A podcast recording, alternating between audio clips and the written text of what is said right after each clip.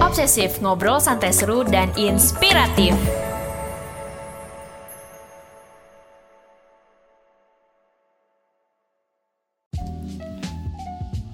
Halo Sobat Kompas, balik lagi bareng aku Ellen Bellion di Obsesif, ngobrol santai seru dan inspiratif. Kali ini kita sudah memasuki episode keempat di mana Obsesif yang berkolaborasi dengan Harian Kompas dan juga Kompas Institute akan membahas tentang dunia tulis-menulis cerita pendek secara lebih mendalam khusus untuk kalian nih Sobat Kompas. Untuk kamu yang belum dengerin episode sebelumnya, langsung aja yuk dengerin dan jangan sampai ketinggalan ya Sobat Kompas. Nah, di episode kali ini kita masih akan berbincang-bincang dengan salah satu sastrawan Indonesia terkemuka lainnya yang juga sempat hadir dalam acara Cerpenis Berbagi pada ulang tahun Kompas yang ke-54 di tanggal 28 Juni 2019 lalu. Narasumber kita kali ini adalah seorang penyair terkemuka Indonesia yang karya-karyanya sangat identik dalam dunia puisi Indonesia. Siapa lagi kalau bukan Joko Pinurbo atau yang dikenal dengan panggilan akrab Jokpin ini. Penyair yang terkenal dengan karyanya yang berjudul Celana dan di bawah sarung ini senantiasa mewarnai karyanya agar mengacu pada kejadian dan objek sehari-hari dengan permainan gaya bahasa yang unik. Tak heran, karyanya sering mendapat banyak penghargaan sastra nasional hingga taraf internasional. Kemampuan Mas Jokpin ini tentu tidak dicapai semudah itu saja. Ada cerita dan perjalanan panjang dalam karir menulis beliau yang akhirnya menjadikan seorang Joko Pinurbo penyair dan penulis yang dikenal oleh seluruh penjuru negeri. Penasaran dengan proses kreatif Mas Jokpin, perjalanan karir, dan pandangannya tentang pengaruh teknologi dalam dunia sastra? Kalau begitu, stay tune terus. Karena kali ini kalian akan mendengarkan langsung obrolan mereka yang akan dipandu oleh Mbak Cecilia Gandes, Asisten Manager Sosial Media Harian Kompas. Let's check it out! Saya akan membacakan salah satu puisi saya dan mungkin agak narsistis karena saya sangat menyukai puisi ini. Judulnya Kamus Kecil. Saya dibesarkan oleh bahasa Indonesia yang pintar dan lucu, walau kadang rumit dan membingungkan. Ia mengajari saya cara mengarang ilmu, sehingga saya tahu bahwa sumber segala kisah adalah kasih, bahwa ingin berawal dari angan, bahwa ibu tak pernah kehilangan iba, bahwa segala yang baik akan berbiak, bahwa orang ramah tidak mudah marah, bahwa seorang bintang harus tahan banting, bahwa untuk menjadi gagah kau harus gigih, bahwa terlampau paham bisa berakibat hampa, bahwa orang lebih takut kepada hantu ketimbang kepada Tuhan, bahwa pemurung tidak pernah merasa gembira, sedangkan pemulung tidak pernah merasa gembira, bahwa lidah memang pandai berdalih bahwa cinta membuat dera berangsur reda, bahwa orang putus asa suka memanggil asu, bahwa amin yang terbuat dari iman menjadikan kau merasa aman. Bahasa Indonesiaku yang gundah membawaku ke sebuah paragraf yang mengeluarkan bau tubuhmu. Malam merangkai kita menjadi kalimat majemuk bertingkat yang hangat, di mana kau induk kalimat dan aku anak kalimat. Ketika induk kalimat bilang pulang, anak kalimat paham bahwa pulang adalah masuk ke dalam palung, ruang penuh raung, segala kenang tertidur di dalam kening. Ketika akhirnya matamu mati, kita sudah menjadi kalimat tunggal yang ingin tetap tinggal dan berharap tak ada yang bakal tanggal. Oke, nah tadi kalau misalnya biasanya kita baca-baca dari bukunya Jokpin sekarang benar-benar mendengar suaranya langsung. Apakah suaranya semakin membuat nyes puisinya? Nah, hari ini kita kedatangan uh, Mas Joko Pinurbo atau yang biasa dipanggil oleh Jokpin. Mungkin uh, teman-teman yang familiar dengan uh, Twitternya, kicauannya, pasti uh, sering menanti-menantikan uh, waktu ibadah puisi ya Mas Jokpin ya. Iya, itu waktu favorit saya itu saat-saat jam-jam sekitar itu setelah maghrib atau sebelum sampai setelah maghrib lah itu. Oke, nah jauh sebelum nanti kita uh, cerita-cerita lebih lengkap lagi, mungkin Mas Jokpin bisa ceritain dulu kar karena kalau misalnya teman-teman yang udah sering beli bukunya ini kan sebenarnya Mas Jokpin ini sering lebih cerita soal Yogyakarta tapi apakah Mas Jokpin ini lahirnya beneran ada di Yogyakarta? Gitu. Mungkin bisa ceritain singkat dulu Mas.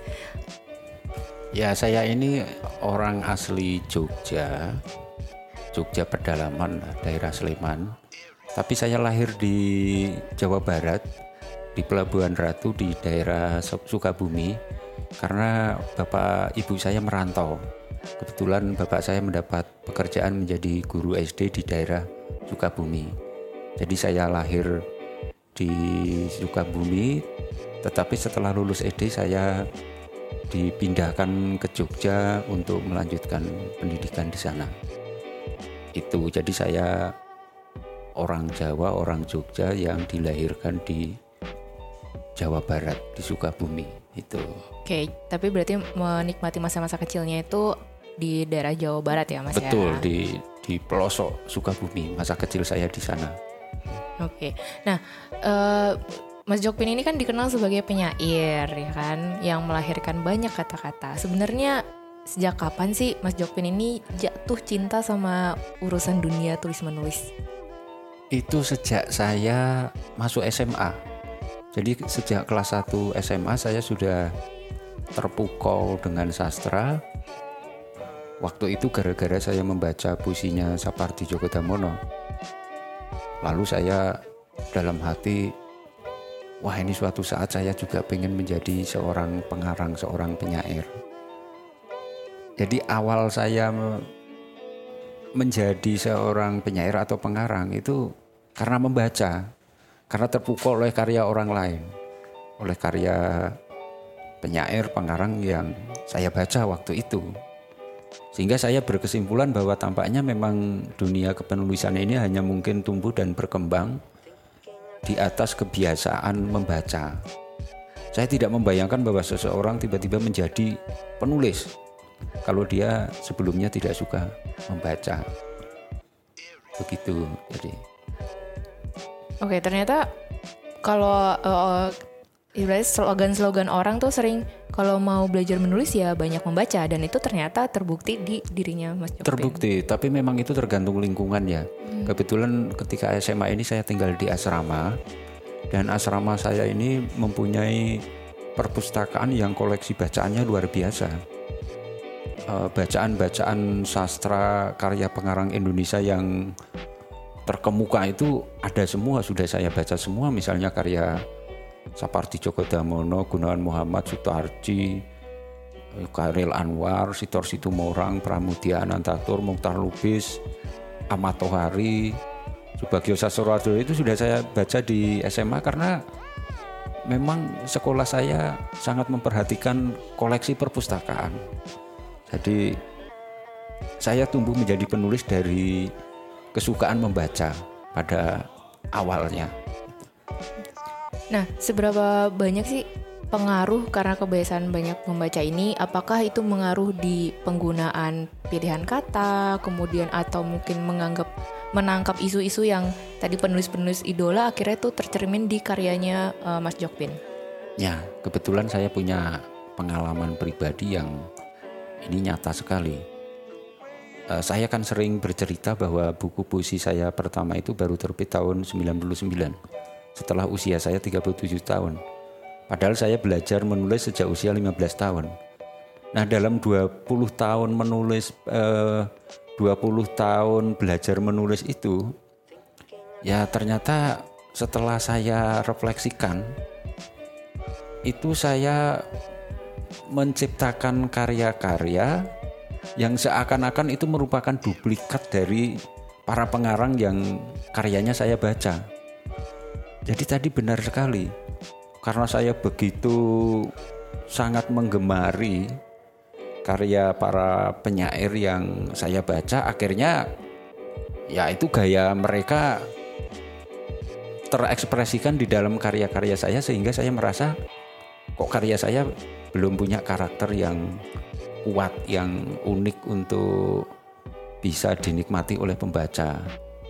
Jadi memang terlalu mengagumi pengarang tertentu itu bisa berisiko bahwa kita juga akan tercengkeram oleh gaya menulisnya. Saya membuktikan itu, saya terpengaruh begitu lama oleh gaya para penyair, para penulis yang saya baca karyanya. Nah, saya kan baru bertobat, baru menemukan jalan pembebasan kira-kira pertengahan tahun 90-an ketika saya ya sudah 30 tahun lebih lah pertengahan umur 30-an tahun itu.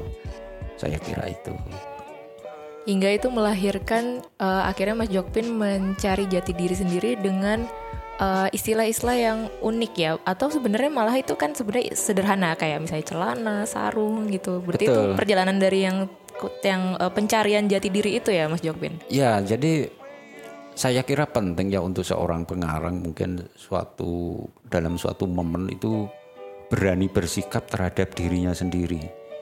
Nah, kebetulan waktu itu memang saya melakukan perubahan yang radikal dalam proses kreatif saya. Saya meninggalkan gaya menulis puisi yang sebelumnya saya pakai. Lalu saya mencoba menemukan eh, kekasan sendiri dengan cara melakukan riset lah. Riset kecil-kecilan terhadap penggunaan kosakata, penggunaan objek dalam puisi para penyair Indonesia sejak Amir Hamzah, Khairil Anwar, Sitor Situmorang dan juga penyair-penyair lain, saya hanya ingin mencari dan menemukan itu objek apa saja yang belum mereka tulis. Nah, akhirnya saya menemukan oh ternyata tidak banyak yang menulis mengenai peristiwa dan objek sehari-hari dalam lingkup dunia, dalam lingkup rumah, lingkup domestik. Maka saya menemukan celana, sarung, dan sebagainya. Sejak itu saya meninggalkan puisi-puisi lama saya yang sebetulnya banyak. Lalu saya seakan-akan terlahir kembali untuk belajar menulis puisi seakan-akan mulai dari nol. Karena gaya yang pernah saya pakai benar-benar saya tinggalkan. Saya kira mungkin pengalaman ini bisa menjadi menjadi apa ya inspirasi juga bagi para pengarang muda bahwa perjalanan kepengarangan seorang seseorang itu bisa berbeda-beda satu sama lain perjalanan perjalanan apa ya proses kreatif penulis itu berbeda satu sama lain kalau saya terus terang memang menempuh jalan yang lama dan berliku-liku untuk bisa menemukan diri sendiri itu Oke, berarti Mas Jokpin ini mengingatkan bahwa ya kepenulisan itu menghargai proses juga ya.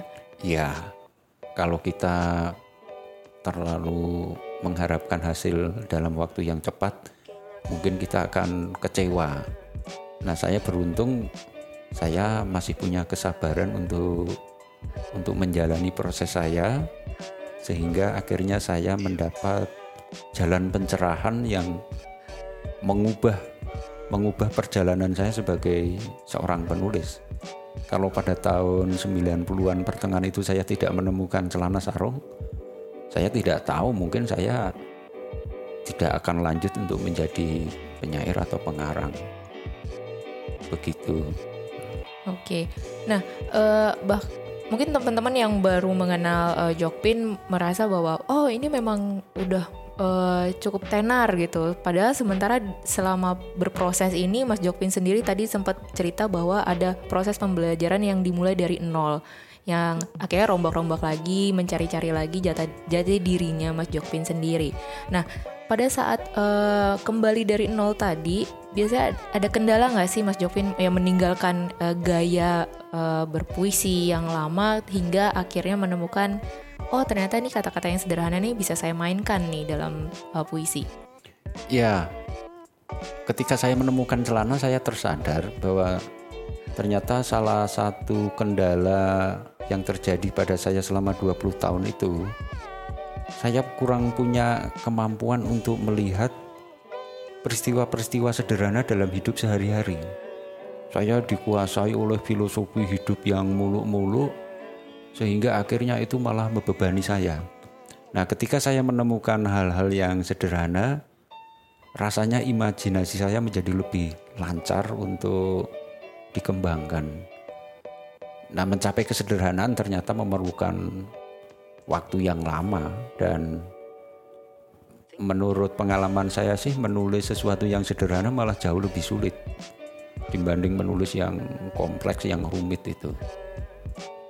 Tentu saja kesederhanaan yang dimaksud kesederhanaan yang yang bermakna, yang mengandung makna, bukan kesederhanaan yang yang lugu semacam itu. Nah, tadi sempat disinggung juga bahwa uh, Mas Jokpin ini sebenarnya uh, saya pribadi melihat Mas Jokpin ini bisa mengubah kata-kata sederhana menjadi sesuatu yang menjadi makna gitu. Dalam proses kreatifnya, apakah itu bisa dalam sekali coretan aja atau direview lagi, direview lagi? Wah itu tidak bisa. Saya itu untuk menulis satu puisi sampai saya anggap jadi itu bisa melampaui puluhan draft. Puluhan draft itu dan setiap kata itu bisa dicoret, bisa diganti dengan kata lain. Nah, oleh karena itu mungkin penting untuk para pengarang ini jangan menghapus draft-draft tulisannya karena draft-draft itu bisa menjadi bahan untuk belajar. Saya untuk satu puisi terus terang bisa mengalami belasan bahkan puluhan draft sampai akhirnya menjadi final. Nah, mungkin saya bisa mengatakan bahwa bagian yang memakan waktu lebih banyak justru tahap editing. Editing oleh diri sendiri. Nah, tahap editing ini yang memerlukan proses yang lama. Kalau munculnya ide atau terciptanya draft pertama itu bisa cepat. Tetapi untuk mematangannya menjadi mematangkannya menjadi karya yang ya kita anggap jadi itu saya melewati uh, pergantian draft bisa berkali-kali, bisa belasan kali. Dan setiap hari saya udah ada. Ketika saya sudah menulis satu puisi setiap hari saya lihat lagi, saya udah adik lagi, Sampai akhirnya saya merasa saya sudah tidak bisa mengodak adik lagi. Itu artinya untuk sementara puisi ini sudah selesai. Nah, ketika saya membaca puisi saya sendiri, saya merasa bahwa ini masih bisa diedit, berarti puisi saya belum selesai. Itu uh, saya sangat banyak membuat versi yang bermacam-macam terhadap satu karya, misalnya puisi itu. Kalau dalam pengalamannya Mas Jokpin, pernah gak sih puisi versi A itu pernah terbit di buku yang satu. Kemudian pada saat kompilasi buku, uh, kumpulan uh, puisi berikutnya itu hadir puisi uh, versi A plus satu karena ada perubahan. Iya, ini juga penyakit saya. Jadi kadang saya bahkan merevisi puisi yang sudah jadi puisi yang sudah dimuat dalam buku ketika akan diterbitkan ulang dalam buku lain itu ada yang juga saya saya revisi. Nah, itu sesuatu yang biasa di dalam karya-karya saya. Jadi sesuatu yang sudah dianggap jadi pada waktu tertentu di waktu kemudian berkembang sehingga mengalami revisi. Tapi tentu tidak tidak begitu banyak dan biasanya revisinya juga tidak ekstrim. Terutama saya selalu melihat lagi merevisi hal-hal yang berkaitan dengan teknis bahasa misalnya itu. Itu saya bisa merevisi kalau soal itu. Iya, gitu. Nah, untuk sejauh ini kan uh, kebanyakan pertanyaannya bagaimana sih menghadapi writer's block? Ya, tadi kan sempat juga cerita mengenai ada jeda, kemudian uh, ada proses waktu, ada yang karyanya di hold dulu, terus baru di otak-atik lagi, atau uh, selama perjalanan menulis ini, Mas Jokpin sendiri masih suka merasa kesulitan untuk menuliskah? Atau sebenarnya udah lancar-lancar aja? Enggak, saya juga sering mengalami kemampatan ya. Saya juga sering mengalami kendala seperti itu.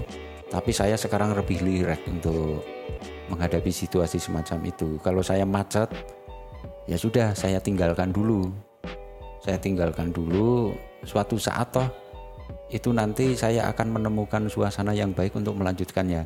Jadi intinya tidak perlu memaksakan diri di dalam menulis, tidak perlu membebani diri sendiri ini harus selesai. Saya menulis rileks e, mengalir saja. Misalnya ingin menulis sebuah puisi baru dapat sebait kok macet ya tinggalkan dulu.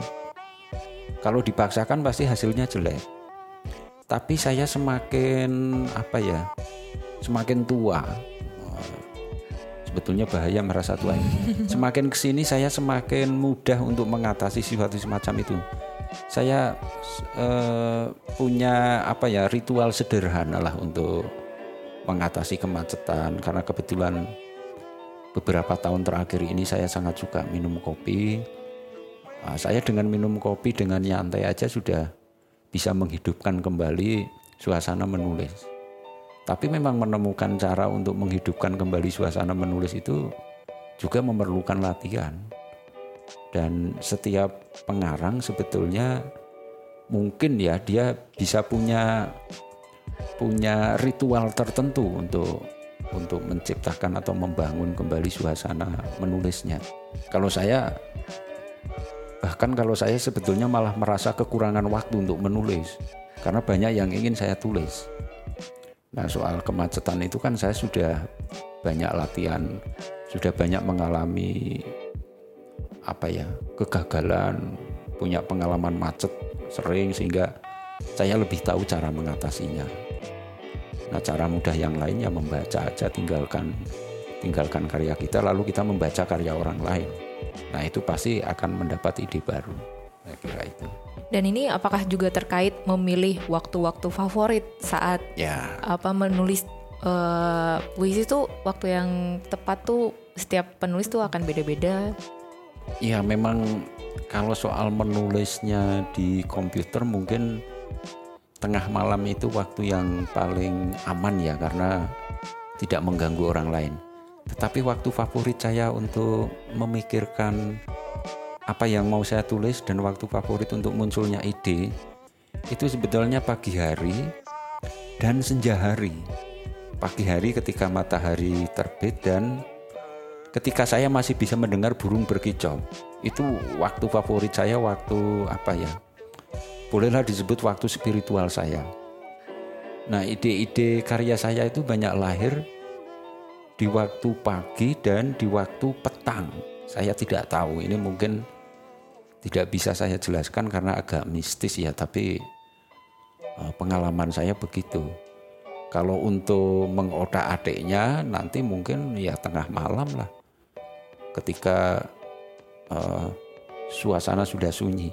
Tetapi waktu favorit saya sebetulnya pagi dan petang. Itu saya paling suka menikmati menikmati mengalur mengalirnya waktu pada kedua momen itu pagi hari dan senja hari. Sehingga kalau pagi hari saya sudah nyantai, ngopi itu pasti saya mendapat ide untuk menulis itu. Kira-kira tuh waktunya berapa lama tuh mas? Oh tidak perlu lama satu jam saja cukup. Sebetulnya seorang pengarang tidak memerlukan banyak waktu untuk bisa mendapatkan ide. Kalau saya satu jam setengah jam cukup. Nah kalau untuk mengeditnya memang itu lama, itu perlu waktu lain lagi. Biasanya saya ya tengah malam. Tapi sebetulnya saya tidak punya pantangan waktu sih. Kapan pun kalau itu suasana tubuh saya, suasana hati saya sedang nyaman, saya bisa menulis. Tapi waktu favorit saya memang itu, ritual saya itu. Nah, apakah waktu favorit ini juga ada kaitannya pada saat Mas Jokwin mengenalkan uh, istilah ibadah puisi? Oh iya, jadi saya beribadah puisi itu ya kalau waktu sekitar maghrib dan waktu sehabis subuh lah atau mungkin antara subuh sampai nanti uh, matahari sudah mulai memanas saya kira itu itu waktu ibadah puisi saya itu Oke. Nah, sebagai uh, penyair uh, atau penulis yang cukup uh, merekam zaman nih, Mas Jokpin. Dan sekarang nih terlihat jelas lah kemajuan teknologi. Bahkan Mas Jokpin pernah membuat uh, buku kumpulan uh, kicauan ya. Nah, sebenarnya di mata Mas Jokpin teknologi kemudian uh, ya era digital ini itu mempengaruhi para penyair termasuk Mas Jokpin saat berkarya atau uh, bahkan sampai menggali-menggali ide. Nah, sebetulnya jauh sebelumnya saya sudah menulis mengenai kemajuan teknologi. Tahun 2003. Yang ponsel itu ya. Iya, saya membuat kumpulan puisi berjudul Telepon Genggam Waktu itu orang Indonesia baru mulai demam ponsel. Belum ada Android semacam ini. Tapi lalu saya melihat ada perubahan gaya hidup dan perilaku hidup dengan ponsel. Nah, orang mengira bahwa dengan kemajuan teknologi, dengan kemajuan alat komunikasi, orang tidak akan kesepian.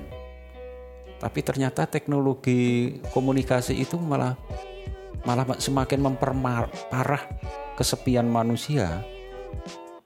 Karena menciptakan ketergantungan manusia untuk selalu untuk selalu berbicara dengan siapa pun dan kapan pun. Sehingga kalau dia tidak berinteraksi dia akan merasa kesepian. Maka ada puisi saya yang salah satu frasanya berbunyi sepi makin modern misalnya Ternyata peralatan komunikasi ini tidak bisa mengatasi problem eksistensial manusia. Kesepian diperparah justru karena munculnya ketergantungan manusia untuk selalu berkomunikasi dengan manusia lain. Nah, menurut saya yang saya refleksikan lalu manusia menjadi kehilangan waktu untuk dalam tanda petik menyepi, bahkan manusia semakin tidak tahan untuk menghadapi bahkan mengalami kesepian. Ini ironi dari teknologi informasi dan komunikasi. Tapi di satu pihak memang peralatan canggih ini, benda-benda uh, komunikasi, benda-benda digital ini sebetulnya membuka peluang yang lebih banyak bagi pengarang untuk mengeksplorasi bahan sebanyak-banyaknya dan juga untuk mendistribusikan, menyosialisasikannya secara cepat. Jadi memang ya ada berkah, ada kutukan juga di situ. Nah mungkin karena saya dibesarkan di asrama yang uh, setiap hari itu ada waktu khusus untuk merenung, saya melihat dari sisi sisi apa ya, sisi kemanusiaannya bahwa uh, benda-benda uh, ini kemajuan teknologi semaju apa pun itu tidak bisa menyelesaikan problem eksistensial manusia. Saya kan uh, puisi saya tentang telepon genggam kira-kira begitu. Tapi kan saya juga mendapat berkah karena saya bisa membuat satu kumpulan puisi dari postingan saya di Twitter misalnya itu. Dan melalui Twitter juga mungkin karya saya semakin dikenal. Saya kira itulah. Nah, seberapa uh, besar pengaruhnya tadi bahwa teknologi ini menghadirkan wadah-wadah baru ya untuk uh, mengapresiasi karya seorang penulis. Nah, uh, cuman Mas Jokpin sendiri kan juga masih terus uh, produktif, artinya menciptakan buku, bahkan juga uh, mengirimkan uh, karya ke media cetak, khususnya Kompas. Nah, sebenarnya uh, Mengapa Mas Jokwin tetap merasa perlu untuk mengirimkan karya dan mewujudkan karya itu dalam bentuk fisik? Ya ini alasan romantis ya. Hmm. Saya dibesarkan dalam tradisi sastra cetak. Ketika pada usia 15 tahun saya mulai belajar menulis sastra, kan saya sudah mulai membaca Kompas, membaca majalah Horizon, majalah Basis. Jadi saya memang tumbuh di tengah media cetak. Waktu itu ya majalah yang saya sebutkan kalau Kompas saya baca sejak usia 15 tahun memang sampai sekarang. Jadi saya merasakan ada sensasi tersendiri ketika karya sastra dihadirkan melalui media cetak. Dengan membaui lembaran-lembaran buku, lembaran koran itu ya ada sensasi tersendiri. Mungkin ini alasan yang sangat kuno, tapi memang media cetak ini tetap memberikan romantisme tersendiri yang menurut saya tidak akan hilang begitu saja. Ya tentu eh, media digital membuat sebuah karya bisa tersebar secara masif, secara luas dan cepat. Tetapi saya sendiri tetap merindukan karya-karya yang memang dipublikasikan di media cetak. Nah, saya lewat uh, gadget, lewat Android, saya bisa membuka karya apa pun memang. Tetapi tetap beda kalau membaca lembaran-lembaran kertas itu. Mungkin Anda pernah membaca novel itu, Rumah Kertas itu. Nah itu memang uh, buku itu bisa menciptakan sensasi tersendiri. Kalaupun media cetak lenyap karena kehendak zaman kan juga ya nggak apa-apa. Oke, nah uh, Mas Jokbin kan juga baru-baru ini melahirkan uh, sebuah karya yang panjang ya. Oh, wah saya malu sebetulnya itu eksperimen. nah sebenarnya Mas Jokwin masih tetap ingin dikenal sebagai penyair atau cerpenis atau novelis? saya kira saya akan tetap predikat saya yang pertama saya kira seorang penyair bahwa nanti ada embel-embelnya. Ya embel-embelnya itu misalnya seorang penyair yang menulis cerpen, seorang pen penyair yang juga menulis novel. Karena sudah 40 tahun menulis puisi jadi uh, puisi ini sudah mendarah daging dalam diri saya sehingga saya menulis apa pun mungkin mungkin semangat berpuisinya tetap masih ada itu. Oke, nah satu uh, pertanyaan lagi untuk teman-teman yang uh, mulai tertarik nih untuk menjadi penulis ataupun penyair, sebenarnya uh, ini bisa jadi pekerjaan gak sih mas? Oh ya sangat bisa. Saya 10 tahun terakhir ini hidup benar-benar hanya dari tulisan saya. Jangan hanya menghitung royaltinya, tapi bahwa karya kita ini membuka pintu-pintu rezeki. Saya sering mendapat undangan dari mana pun, sering mendapat banyak pekerjaan dari karya-karya saja. Padahal kan saya hanya menulis puisi sebelum ini. Tapi nyatanya saya bisa hidup saya juga heran rezeki itu dari mana datangnya tapi kalau kita menulis karya dan karya kita itu bagus menginspirasi orang itu akan membukakan pintu-pintu rezeki istilahnya itu atau jangan saya lah mungkin banyak pengarang lain yang lebih bisa makmur lagi karena menulis. Saya sih tidak makmur tapi ya selalu ada rezeki lah dari karya saya.